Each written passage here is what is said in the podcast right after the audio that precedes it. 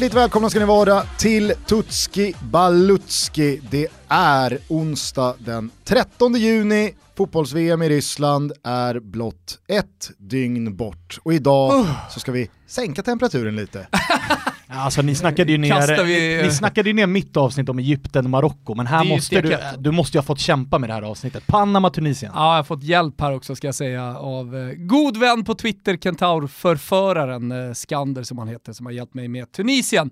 Eh, det finns en hel del ska jag säga, ni som sitter och klickar på stoppknappen och funderar på att lyssna på Fördomspodden eller någonting annat eh, när ni hör den här inledningen.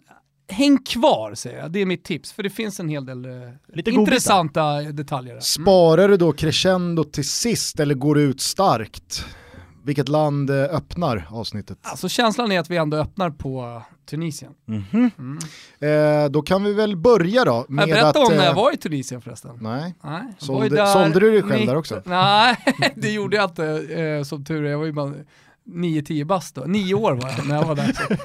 Det, det, det gjorde jag i alla fall inte vad jag minns. Men, Man kan eh, höra Jonny. ja. Oh, vill, vill, du det, vill du det Men däremot, nej men klassikern är ju på tal om att liksom Kö- jag köpa tycker och du ska sälja köra. Nej, men, och köpa och sälja barn så, så var det ju faktiskt så att eh, när man gick på bussar och liksom på basarer och liknande så kom ju buden på min syster som är två år äldre än mig, eh, 11 då. Eh, det var 37 kameler, jag tror bästa budet var uppåt en 100 kameler.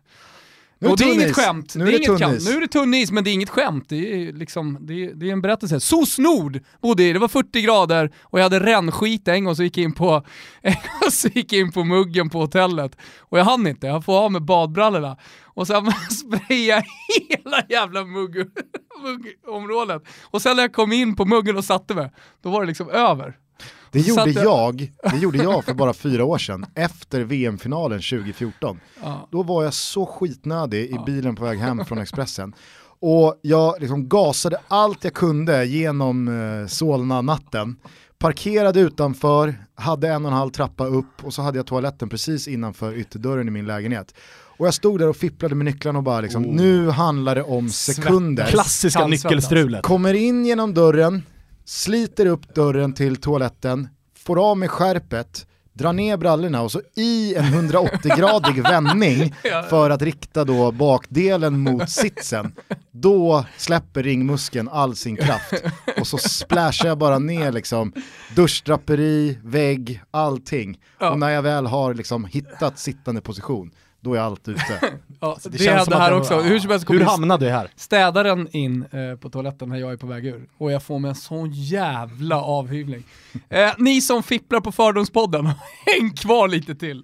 Superproducent Kim Wirsén kan väl göra så att han visslar igång Ja. det som förkunnar Tunisiens väg till VM 2018. Man gnuggade sig igenom snustorra fotbollsplaner och korrupta domare och blev helt klara genom ett snyggt och helt oförväntat 0-0 mot sina bröder i öst. Vilka är det? Libyen. Gruppen var stark med storlag som Guinea rankat 68, Kongo rankat eh, 38 och så då Libyen, landet som fortfarande har inbördeskrig rankat 101 då på Fifas världsranking. Viktigaste segern skedde mot eh, Leoparderna, vilka är det? Jag vet inte. är i Kongo.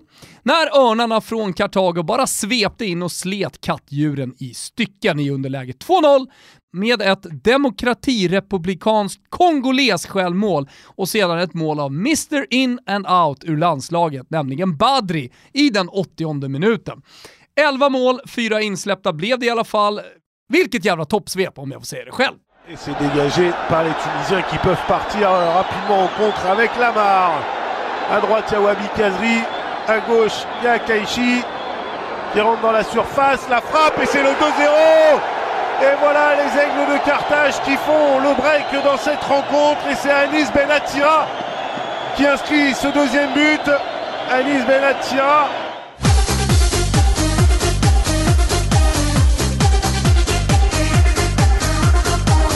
Ja, det är knixigt eh, med Demokratiska republiken Kongo som svep nation. Ja, att det- blanda in den ja. kryddan, det, gör Men, ju, det kräver ju eh, sin svepare. Lätt att snubbla. Örnarna från Kartago är ju alltså smeknamnet på Tunisien. Mm. gillar ja, man. det, det förstod man. Jo, men gillar man? Ja, ja, Ja. Det är ett bra namn. Ett, ett av de bästa faktiskt. Mm, måste vi säga. Anledningen till att vi, eller anledningen, men de afrikanska länderna är ju lite anledning till att det svenska landslaget numera kallas för gul och gul. Och I en tävling som vi utlyste, där flera tusen var med, så landade vi att gul och gul, och som alltså betyder järv och som jag tycker representerar det svenska folket bra, de är skygga, men när de blir arga, ja då kan de riva till och bita till. Har vi fått in det Eh, på Wikipedia nu? Samtidigt väldigt snyggt på engelska, Wolverine, eh, som vissa har, eh, eh, vissa har uppmärksammat. Men eh, Wikipedia har vi kommit liksom, precis som Budgie här, eh, in, in and out. Ja, vi Okej. kom in på Wikipedia, sen så eh, korrigerades vi bort. Sjöstrand är inte Badri. helt övertygad än. Får jobba lite där. Ja. Jag tror att när 1700 gul och gul och tröjor gör sig eh, påminda i öppningsmatchen mot Sydkorea, då kommer till och med Håkan känna att okej då, de kan få gul och gul och inne på Wikipedia-sidan. Eh, härligt då, eh, vi snackade lite om det kring det asiatiska kvalet när vi var inne på Japan. Även det afrikanska kvalet är ju ganska tacksamt. Det är ganska kort, ganska lätt.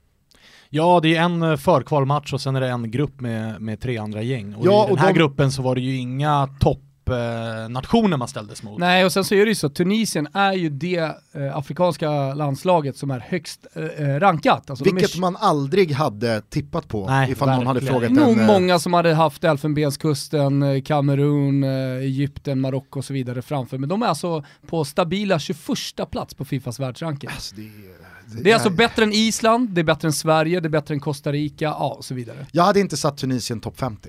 Vet Nej, inte om inte det har att göra med att eh, Tunisien alltså var det första afrikanska landslaget att göra mål i ett VM 1978, så sopade man till Mexiko. Det Vore ju mäktigt inte. ifall det målet fortfarande är av betydelse i Fifa-ranking. Ja, men så gjorde de det där målet Mot va? Mexiko va? ja, mot Mexiko, det minns ju jag. Mot mexarna på 70-talet där. Ja, nej, de får vara 21 då. Eh, Okej, vem är det som styr den här skutan då? Nabil Maloul, förbundskaptenen är vi alltså inne på. Eh, han är känd i Tunisien, inte så mycket utanför Tunisien. Han eh, har eh, framförallt då hållit till i Maghreb-området, det är alltså Nordafrika minus Egypten plus Västsahara. Jag kan inte sluta tänka på att du berättar att Tunisien la bud på din Syrra. Hundra kameler. Nej, alltså det kom många bud kan jag meddela också. Eh, han var i alla fall den första coach att ta en trippel med sitt klubblag, uh, sunkiga Esperance. Aldrig hört talas om. Nej. Den som genom en statskupp, eh, eh, det, det här det är alltså information som jag fått till mig här. Den, genom statskupp alltså avsatta presidenten Ben Alis svåger ägde i 30 år. Ja. Så att eh, det finns ju mycket sånt här. Sen körde han Tour des Arab och genom Kuwait och Qatar så återvände han som frälsare då för tunisisk fotboll som eh, tidigare gått på spåret med så gamla coacher typ Lemaire som eh, tog EM-guldet 2000, kanske ni minns? EM-guldet. Ja, Lemaire, han eh, ledde... Jaha, Roger. Ja, ja Ah, ja. exakt. Eh, har man haft, alltså man, så många av de här mindre bra nationerna gör. Alltså man, man tar en rutinerad coach som har varit bra i klubblagssammanhang som nu vill casha in och kanske softa lite mer på jobbet.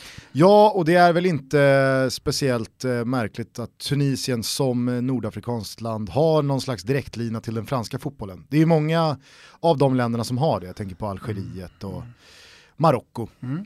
Så att eh, okej, eh, Lemaire var där. Eh, hur länge har den här göken varit på posten då? Är han, eh, är han en rutinerad herre eller? Han, han är hyfsat rutinerad, han har varit några år nu. Ja, okej. Eh, ska vi gå på MVP hans, då? Ja, vem är hans eh, så här- mest värdefulla spelare? Det finns ju många tunisiska, eh, med tunis, tunisiska rötter då som eh, figurerar i Frankrike, kanske till och med födda i Frankrike. Eh, en av de mest kända då med tunisiska rötter som hade kunnat spela i det tunisiska landslaget om man inte valt Frankrike är Ben Arfa. Ah. Eh, han eh, valde till slut Frankrike, men eh, Domenech sabbade allt om löften EM 2008. Eh, och så klippte honom i det sista, men ja, nu är han liksom bort, borta, borta från Tunisien. Frågan är dock vad Ben Arfa hade varit för tillskott till Tunisien idag i och med att han inte har spelat en enda match tror på över ett ändå, år. Jo jag Mm. vet, men jag tror ändå liksom att så här, få in Ben Arfa och bara så här, fokus VM Tunisien, då hade han ju tränat stenhårt under hela våren. Och kanske gjort då som de här saudiska fotbollsspelarna, tränat med Manchester United. Såg ni bilden han la ut på sociala medier när han då firade inom citationstecken ett år utan en match? Så Nej. han hade gjort en tårta med ett ljus i, så att säga ett, Ah, eh, att- siffran ett ah. ljus. Och liksom eh, poserade ironiskt eh, gentemot då PSG, får man väl anta att titta här på mig, jag firar ett år utan en enda fotbollsmatch och ni pröjsar mig multum varje vecka. Vad hände med den karriären alltså? Ja det kan man undra, men eh, om det inte är då Ben Arfa, eh, vem är det då? Det är Ali Maloul, han är försvarare. Tunisien spelar väldigt disciplinerat, likt Marocko, likt Egypten också ska jag säga. Ställer om fort när de får bollen. Men det blir en försvarare för han håller ihop hela det tunisiska landslaget. Eh, lite intressant med honom är att när han spelar i Sfaxien, eh, ja, Va? vi behöver inte prata så jättemycket om det, det är ett klubblag alltså. Okej. Ja, eh, så hade han ett snitt på 0,3 mål som mittback. Eh, och sen så gick han då till den egyptiska storklubben Al-Ali. Eh, där han eh, fortsatte då sin karriär, hur som helst. Det var väl eh, där eh, Chippen var? Var inte han i Ja, Al-Ali? det kan det nog ha varit va? Ja, det är möjligt. Eh, men eh, hur som helst, i landslaget så är han oerhört viktig. Ja, han är ju MVP. Han är MVP. Jag älskar också att hans målsnitt, liksom, i det förkunnas inte hur många matcher han spelade. Han kanske gjorde ett mål på tre matcher. Nej, 0,3. Ah, fan 0,3 i målsnitt som Ja, mittback. fan vasst alltså. Ja, men han Vart- spelar men också... han är kvar nu Ja, i men- Al-Ali eller? Ja, men han spelar som vänster ytterback i landslaget. Så det, Okej. det ska man ha med sig. Okej. Men han är kvar i Al-Ali? Ja, men jag, jag tänker på så här, det, alltså MVP och så vidare, han, de ska ju alltså möta Belgien. Och från den här vänsterkanten, så kom, eller förlåt, från den här högerkanten så kommer det ju liksom bara stormas fram. Så är det. Eh, så ja, det vill ju till att han låser upp det. Eh, vem har vi som stjärnskott i detta tunisiska lag? Ja, jag tycker att det utan tvekan är Monsieur Breton Cavani Wabi Kazrin. Heter han Monsieur i... Nej, det var ju det jag sa. Jaha. Han heter Wabi Kazrim, det vet ni vem Ah, ja, va? ja. Mm, Vice igen. lagkapten också i Är det här ni, landslaget. är han i Bordeaux? Nej, det var nära. Eh, Ett annat eh, trött mittengäng i den franska ligan, nämligen Rennes. Eh, han lånades ju ut eh, till eh, Sunderland, eller köptes han av Sunderland, men kom tillbaka till Rennes. Hur som helst, han var i Sunderland, floppade där. Kom tillbaka till, eh, eh, till eh, Rennes och den här säsongen så har han varit ruskigt bra faktiskt. Eh, Offensiv ytter man kan ju tycka så här, i VM-sammanhang så är han nog liksom en medioker spelare. Men för eh, Tunisien, som inte har den här, så många av den här spelartypen, precis som du säger, det är en offensiv spelare som gillar att utmana. Eh, man, man skulle kunna säga att han är Tunisiens Salah. Mm. Även om det är ruskigt skarvat. Då känns det som att eh, han kommer spela en nyckelroll i eh, matchen mot Panama. Ja men det kommer han verkligen göra. Eh, men eh, det, det man kan säga är att han skadade sig eh, någon månad innan nu, det här officiella datumet kom att man skulle ta ut laget. Är det då en liten Så det snackis? var- Nej, det är inte jättemycket snackis. Eller det har väl kanske varit lite, men jag tror att det var så här, det var aldrig riktigt nära att han skulle missa. Eftersom efter det officiella datumet när man släpper så har man ju två veckor till på sig. Ehm, men så att, eh, nej men han är med.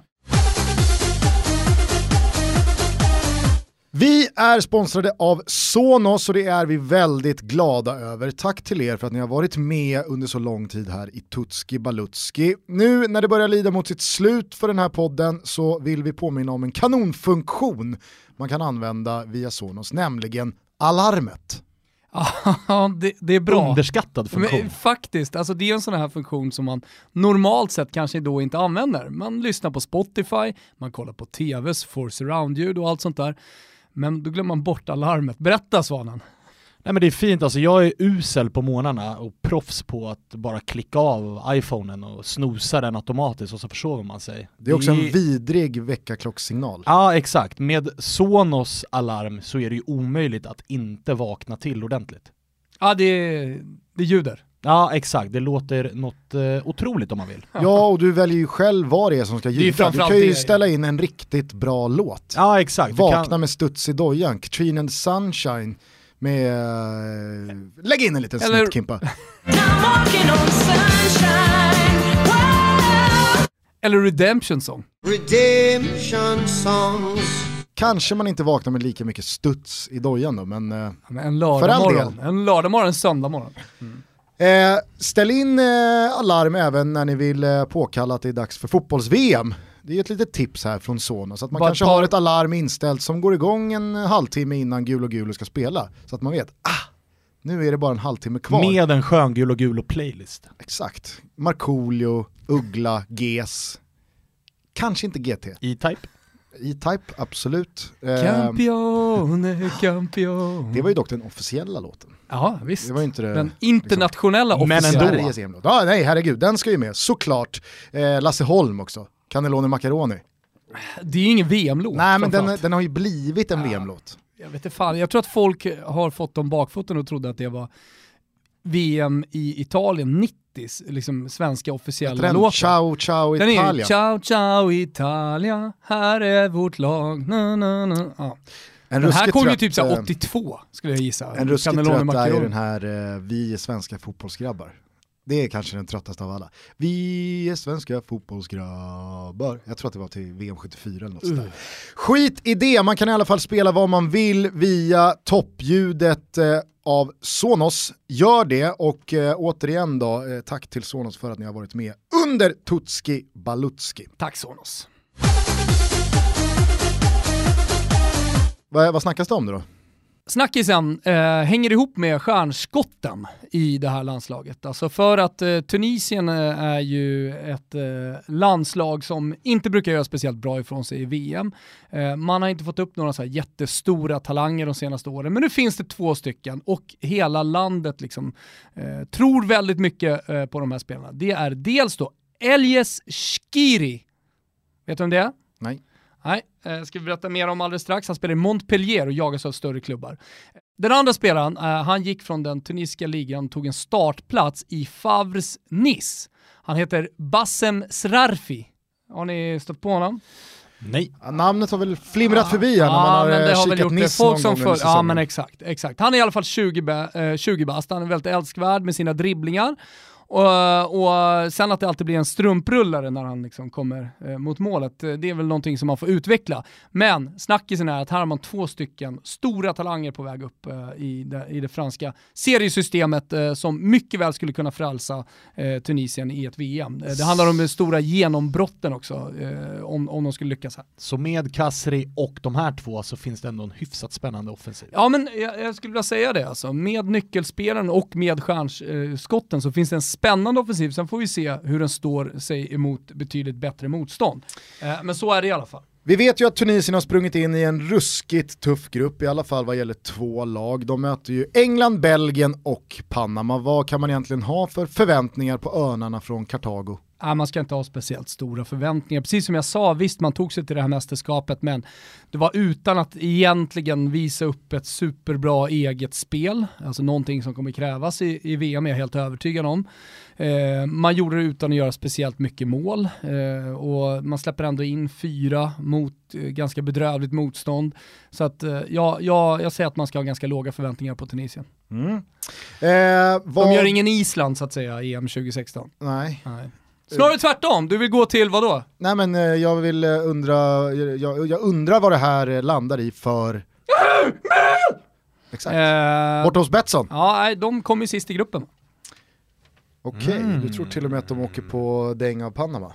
Så mycket för den 21 platsen på Fifas världsranking. Exakt. Tunisien alltså, sist i gruppen. Kollar man motståndet också, hur, vilka Panama har slagit för att ta sig hit, så är det bättre än det som, eh, än det som Tunisien har slagit för att ta sig hit, skulle jag säga. Men Svanen, kan du inte bara berätta vad Ruben är? Det är ett finfint boostat odds som vi får utav eh, Betsson. Man går in och klickar på godbitar och boostade odds så har ni en rubel per landslag. Då. Vi har tagit ut en i varje. Eh, Så att här är det ju Tunisien att komma sist. Och vi kan väl för eh, sista gången påminna om Betssons VM-tips. Man har chansen att vinna 250 miljoner ifall man sätter eh, alla ettor i respektive grupp, alla tvåor i respektive grupp och sen slutspelsträdet som då blir. Eh, det här gör man eh, efter att man har placerat ett valfritt spel på valfri VM-marknad. Ah, 100 kronor, det går inte att missa så länge man har ett konto på Betsson.com och det här är som sagt sista chansen. Imorgon drar det igång och då tänker i alla fall inte vi sitta utan våra eh, träd. Vi har ju redan skickat ut våra på sociala medier hela trädet, så facit finns. Och Men- om nu någon är intresserad av eh, Tunisien Ruben, vilket man såklart ska vara, så kan jag meddela att man får 2,80 på att Tunisien slutar sist i denna grupp. Klickat och klart. Klickat och klart, men innan vi lämnar Tunisien och rör oss till Panama så måste vi såklart ha en gubbe i Ja, Tunisien. men det här går väl lite då i mm, ett eh, med Panama. Eh, Jag har valt en gubbe som är lite rultig. Aymen Matlouti, en stor talang faktiskt, eh, målvaktstalang inom tunisisk fotboll. Han gjorde det jättebra i den inhemska ligan och det var snack om att han skulle gå till Bordeaux det var snack om Mets och så vidare. Han valde i alla fall en riktig skitklubb i Saudi istället för att casha in. Han sket i karriären. Eh, han, eh, han är liksom en kort och tjock målvakt. Och det är inte så att de dräller. Eh, det dräller inte av dem. De spelar ju sällan VM. De spelar korta, tjocka VM. Det är målvakterna. inte säkert att han kommer spela eh, från start, men han är i alla fall där och han konkurrerar om en startplats. En liten tjockis i mål helt enkelt. Eh, Aymen Matlouti. Aymen Matlouti, härligt. Bonus, bonusinfo är för övrigt att eh, eh, Tunisien har ju hela VMs bästa Instagramkonto. Det är så dåligt så att det blir bra. eh, så följ gärna Tunisiens Instagram, de heter Equipe de Tunisie. Okej, det är på ett, Instagram. ett, ett, här kollektivt Mimo Crescito-konto. Ja, det skulle man kunna säga. Det är bedrövligt, eh, men det gör det roligt. Med det så stänger vi ner Tunisien då, bra jobbat eh, i del 1. Ja, Eh, men ingen Nu rast, ingen ro. Mot Panama, mot Panama. hur tog sig denna debutant till sitt första VM? Ja men, eh, kan jag säga det? Eh, Visslar du Kim, och så drar jag sen. Ah, där kom den. Med mottot Pro Mundi Beneficio, för världens bästa, tog sig världens lyckligaste folk sig an VM-kvalet. I den femte rundan som även kallas World Cup Tiebreakers. Av det centralamerikanska kvalet bestod gruppen av Mexiko, Costa Rica, Honduras, USA och Trinidad och Tobago. Panamanerna vann tre matcher, spelade fyra oavgjorda och förlorade tre. Gjorde på tio matcher nio mål och släppte in tio. Det var till slut med minsta möjliga marginal som man petade bort USA, men framförallt Honduras, som landade på samma poängskörd men sämre målskillnad. I den sista matchen mot Costa Rica krävdes seger, men efter mål av Perez och Venegas stod det i den 87 minuten 1-1. Och det där första historiska mästerskapet verkade stanna på drömstadiet. Men då blixtrade Roman Aureliano Torres Morsillo till och frälste Los Canaleros. Mundial! Etiqueta que sea la buena arriba, al medio balón viene el tiro. ¿Qué dice el árbitro? ¿Qué dice el árbitro? ¿Qué dice el árbitro?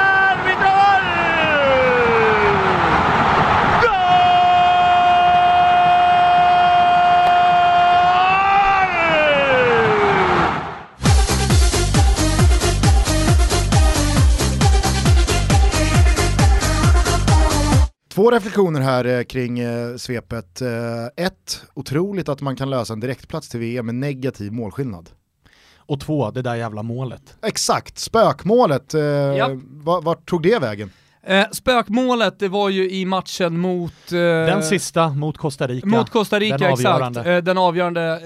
Kvitteringen 1-1 eh, målet är ju inte inne. Hade man haft goal line technology så hade det dömts bort. Det är faktiskt ett jävligt märkligt mål att, att eh, Alltså den tilldöma. är, den är ju inte ens på linjen. Är inte den är ju linjen. inte nära att gå in. är, den är såklart liksom utanför. Eh, så det har ju varit en stor snackis självklart, för det här är ju på bekostnad av Honduras. Eh, och det är för all del på bekostnad av eh, USA. Nu hade de grejer och de fick 12 poäng, men, men skitsamma. Där och då så var det en stor skandal.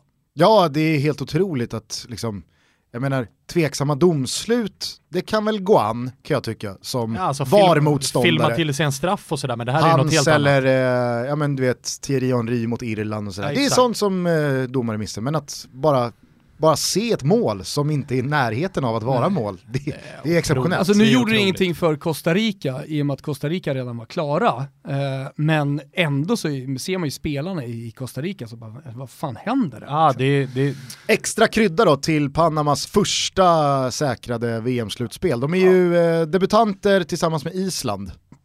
Exakt så är det. Eh, det ska också sägas, eh, som inte fick plats här i svepet, att under kvalet så dör ju en av eh, spelarna, eller han mördas. Det är alltså Amilsar Enriquez som blir skjuten utanför sitt hem med flera skott, dör sedermera på sjukhus, mittfältare eh, som alltså har spelat i, i det här VM-kvalet.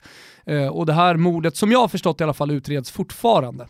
Mm. Eh, det, det snackas om spel och ja, eh, samröre med maffian och så vidare. Men, men eh, det, det var ju en stor tragedi och hela, hela landet sörjde ju där. Och man spelade väldigt mycket för honom också när man då tog sig och man pratade väldigt mycket om honom. Men ni kommer säkerligen i eh, ja, TV4, SVT och de som visar eh, få höra om den här killen och hans tragiska livsöde.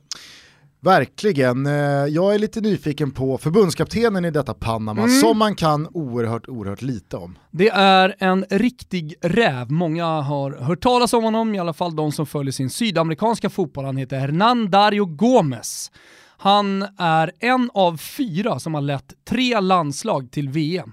Alltså en av fyra förbundskaptener, eller tränare, som har lett, lett tre landslag till VM. Colombia 98, Ecuador 2002 och nu Panama.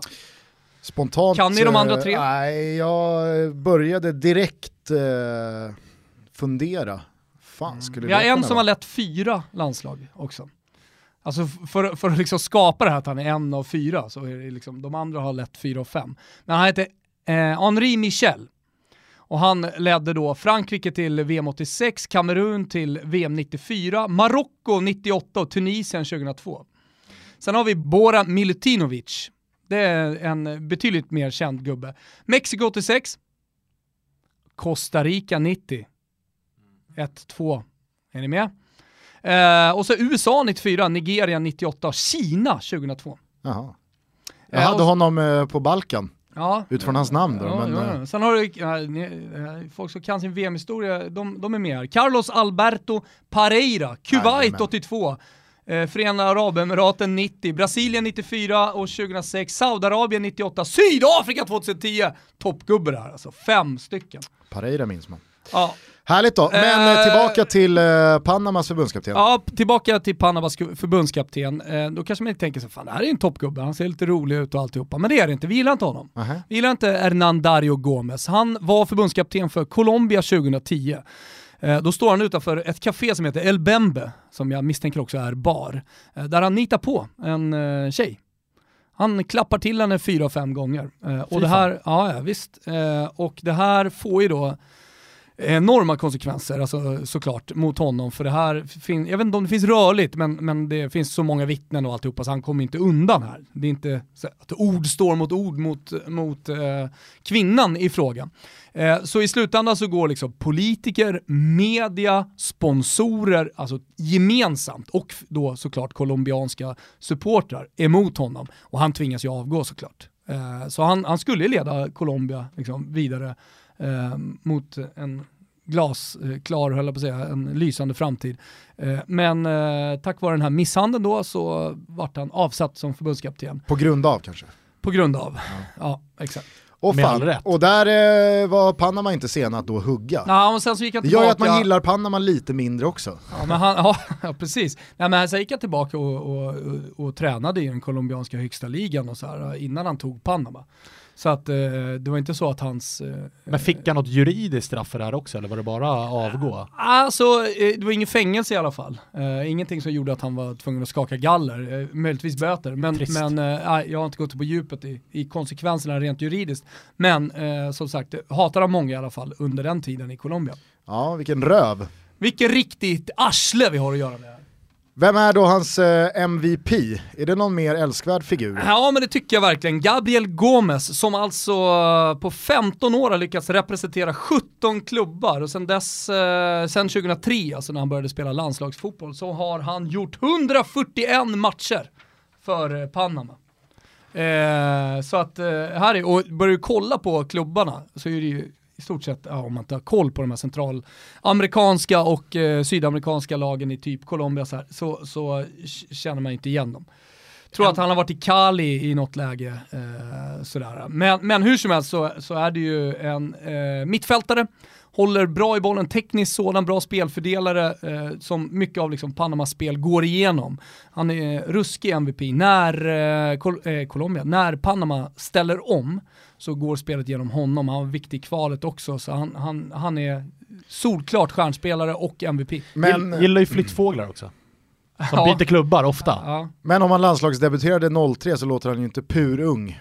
Nej, han är inte purung, eh, men han, däremot så debuterade han, jag tror att han var 19 bast då, mm. Eh, när han debuterade. Så, så att uh, han, han, har funnits med i pan, pa, Panama... Panamanska? Panamansk fotboll länge.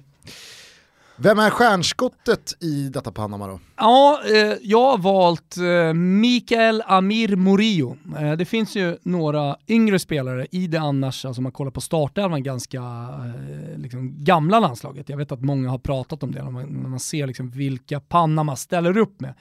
Så är det en hel del gamlingar alltså, som har passerat 30-strecket. Men här finns då Murillo eh, som konkurrerar om en plats i försvaret. Eh, han spelar till vardags i New York Red Bulls. Eh, och det här är en spelare som man tror väldigt mycket på och som redan som sagt har gjort en eh, 13-14 matcher för, för Panamas eh, landslag. Eh, så han, han, alltså det är så här, om man kollar på de unga spelarna, det är ingen som har slagit igenom stort. Alltså det är någon som lirar en belgiska i Gent, typ andra laget. Ja, de har väl typ två, tre gubbar som spelar i Gents andra ja, lag. Ja, exakt. Och sen, eh, men, men, men det är inga, det är inga jättestora spelare. Känslan är att de tre har samma agent. Det här är i alla fall den unga spelaren som jag tycker har kommit längst. Så därför får han också vara stjärnskottet. Mm. Mm. Spännande. Vad snackas det om i Panama då? Eh, det ska jag berätta för dig eh, Gusten, det pratas ju dels då självklart eh, fortfarande om dödsfallet här, som jag var inne på tidigare. Annars är det det ålderstigna landslaget som kommer här. Alltså det, jag, jag nämnde det i svepet att det, det, är världens lyckligaste folk, Panama. Då har man då gjort någon empirisk undersökning över världen och kommit fram till att Los Canaleros kanalmännen eh, är väldigt lyckliga. Eh, och det är dels beroende på att man i en jävligt fattig region i, i Centralamerika, vet ni om där Guatemala och länderna som ringer runt omkring är extremt fattigt, så är ju Panama ett, eh, ett rikemansland i mångt och mycket. Där bara passera Panamakanalen eh, är ju liksom ja, pengar som landet eh, drar in. Du måste ju ge dem där, vad fan ska du annars ta om du ska åka igenom båt? Det är väl hela den amerikanska kontinentens pengatvätt. Ja, exakt. Nej men så att det finns, det finns mycket pengar och sånt där. Men det finns också problem, uppenbarligen, så, som då eh, upplyses av det här eh, mordfallet eh, på, på mittfältaren. Eh, och, men, men jag tror i alla fall att vi från och med nu och framåt och det som har varit lite kommer prata väldigt mycket om just eh, liksom det här ålderstigna landslaget, hur fan ska Panama lyckas eh, i, i VM. Jag är lite mer skeptisk, huruvida annan... vi kommer prata om det mycket eller inte. en, annan snackis har... alltså. en annan snackis har ju varit eh, mittbacken som lirar också i MLS, ju, den här Roman Torres och hans eh, vikt. Han har ju blivit eh, hånad lite för att vara VMs eh, tjockaste spelare och fick ju en fråga på presskonferensen nu när de landade i Ryssland om hur det kändes att vara VMs tjockaste spelare, varpå han bara ställer sig rakt upp och ner, drar upp tröjan och försöker i alla fall spänna de fyra magrutorna som fanns där. Skitnöjd. Ja, men om man sett bilder på honom eh, tidigare så, så, ja, är det tidigare ju så är det, ja, det är en kalaskula där på magen. Men nu då så har han ju uppenbart bantat ner sig så han är i någon slags fysisk form i alla fall. Fast det är inte någon kalendertorso att visa upp. Det är långt ifrån en kalendertorso att visa upp.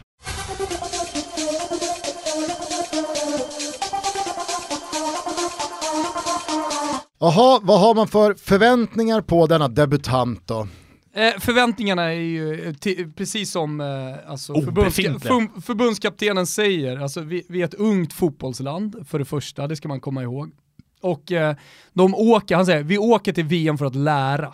Jag menar, när man åker till VM för att lära, då har man inga stora eh, eh, ambitioner. Och han säger också att det ska bli eh, an experience to enjoy. Alltså så här, man, Håll ner siffrorna. Det kan jag i och för sig köpa och tycka är rimligt sagt även fast man är förbundskapten och man någonstans är där för att tävla. Att det var fan, det är klart att om man aldrig har spelat VM förut, det kanske dröjer 60 år till, fan passa på och njut liksom. Ja, ja, ja. Men eh, det är väl klart att med den här gruppen, framförallt då England och Belgien emot, så Ja, är det, det- såklart att det, det Håll kanske man ska- kan man lösa en tredje plats. Om man ska säga någonting så här att så här, hålla utkik lite på en gubbe, det, vi har ju inte riktigt den kategorin. Jag har ju valt ut MVP och valt ut stjärnskott och så vidare. Men om det är någon man ska hålla koll på så är det den här Roman Torres, som är en stor stjärna i Seattle Sounders. Eh, och en ganska skön spelartyp, alltså dribblig och teknisk och så här. Kanonkula och så skön frilla på det. Ja, och han var ju nära på att bli vår gubbe Gustav. Men vem är då vår gubbe? Ja, men det, jag landar på namnet. Ja, det, Oh. jag, jag kan inte göra någonting annat. För det är ett sånt jävla skönt namn. Det finns många i det här laget med, med knasiga namn. Jag har, ju en, jag har ju en polare från Panama, han heter Isper Igualiquinha, indiansläkte. Det är också ett coolt namn. Ja, det är Men det här är ju bättre. namn. Det finns en gubbe som heter Harold Cummings. Mm. Harold Cummings kanske han heter i Panama, vad vet jag. Men det finns ju då en mittback som kommer att starta som heter Fidel Escobar. Som är då en jävla ihopmash av Fidel Castro kanske och Escobar, knarkkungen från Colombia. Hur som helst, Fidel Escobar, har du någonsin hört ett större jävla profilnamn? En riktig helgardering från de päronen. Ja, verkligen. Fidel Escobar ska spela VM i Putins Ryssland. Det är, det är en fin match. Eller hur? För pengatvättande Panama. För Exakt. pengatvättande Panama. Ja, eh, men härligt då. Och du sa att han, han, är alltså, han är en startande mittback. Ja, absolut. absolut. Kul. Fidel Escobar. Så det är någon som man kan sitta och hålla lite på. Alltså tillsammans ska vi säga, alltså, vår gubbe självklart Fidel Escobar. Men vi gillar också Roman Torres. Ja, det gör vi. Vad ska vi då känna kring Blas Perez som är huvudmannen bakom din... Ja, eh, bakom in, eh, du tänker på spelet som vi, som vi håller på med här? Jajamän, jag ja, tänker sist- på... Ja, eh, han, eh, Blas Perez. Hej för fan, 37 bast. Anfallare, riktig nummer 9. Vi pratar om en massa profiler här i, pa- i Panama. Här har vi en skön gubbe. Han står längst fram, han knoppar in bollar. Inte så många, men ibland gör han det i alla fall. Eh, och jag tror fan att han kommer få in en pyts. Och därför har vi spelat vad då Gustav? Att Blas Perez gör mål i VM. Exakt! Han sänker ju 2,75. Tunisien. Men han står ju där i alla fall och tar emot eh, bollarna från Roman Torres, kanske Fidel Escobar drar en eh, djupledare mot, eh, mot Blas Perez. Jag tror att det blir en balja i alla fall för honom. Vad får vi för odds på det? 2,75. Ja, så det kan ju bli eh, dunderjackpot när Blas Perez gör 1-0 på Tunisien. Satan, vi ska ropa in den. Ruben och sen så rättar vi att Tunisien i och med den förlusten kommer sist i gruppen. Ja. Och så rättar vi den Ruben också. Ah, fan vad fint. Allt finns under godbitar och boostade odds på Betsson.com. Puss till er och tack för att ni gör Tutski Balutski möjlig. Eh, bra jobbat Thomas! Tack så Mycket mycket. bra. Skönt att ha det här jävla pissavsnittet över. Ja, det får man säga. Ja. det får man säga. Nu återstår bara ett avsnitt, det kretsar kring vårt älskade landslag. Gul och gul och ni hör det imorgon torsdag 14 juni, alltså samma dag som fotbolls-VM drar igång. Nu gör ni ingenting annat än att gå in på totobaluto.se och där hittar ni länk vidare till att köpa biljett till vårt VM-arrangemang. Om man köper biljett för 399 så får man käk. Eh, vi har sett till att ha riktigt bra priser på dryck. Eh, vi kommer självklart köra ett quiz, ett 5 plus quiz som Gusten knåpar ihop. Med dunderpriser. Ja men fem lax på eh, Grand Frank till exempel, varje dag har de alltså fem lax. Eh, och ah, massa andra sköna grejer också. Vi kommer ta en cigg på balkongen, det kommer bli blött, det kommer bli trevligt, det kommer bli kul och vi kommer gå rätt in i VM-bubblan. Och jag tror, jag vågar fan lova att det här är VMs bästa fest. Och framförallt så kommer man kunna kika på matcherna ur bästa möjliga tänkbara kvalitet. Både bild och ljudmässigt. Både bild och ljudmässigt. Och så hänger vi Sonos mitt på Stureplan också, ja. bara det som en liten bonus. Ja, ja, så går vi ner på Stureplan och så eh, fortsätter vi festen. Sent in på kvällen, jag skulle verkligen vilja slå ett slag för Argentina, Island och Argentina, Kroatien. Man kanske inte tänker så mycket på de matcherna, men det blir spännande och det blir jäkligt kul på Kung Karl. Jag slår ett slag för dubbelmackan på söndag, Tyskland, Mexiko och eh, brassarna Schweiz. Då kommer Svanen vara där. Då kommer jag vara där. Hörni, eh, tack för att ni har lyssnat på det här avsnittet. Vi hörs imorgon då Tutski Balutski går i mål. Nazdrovje! Nazdrovje.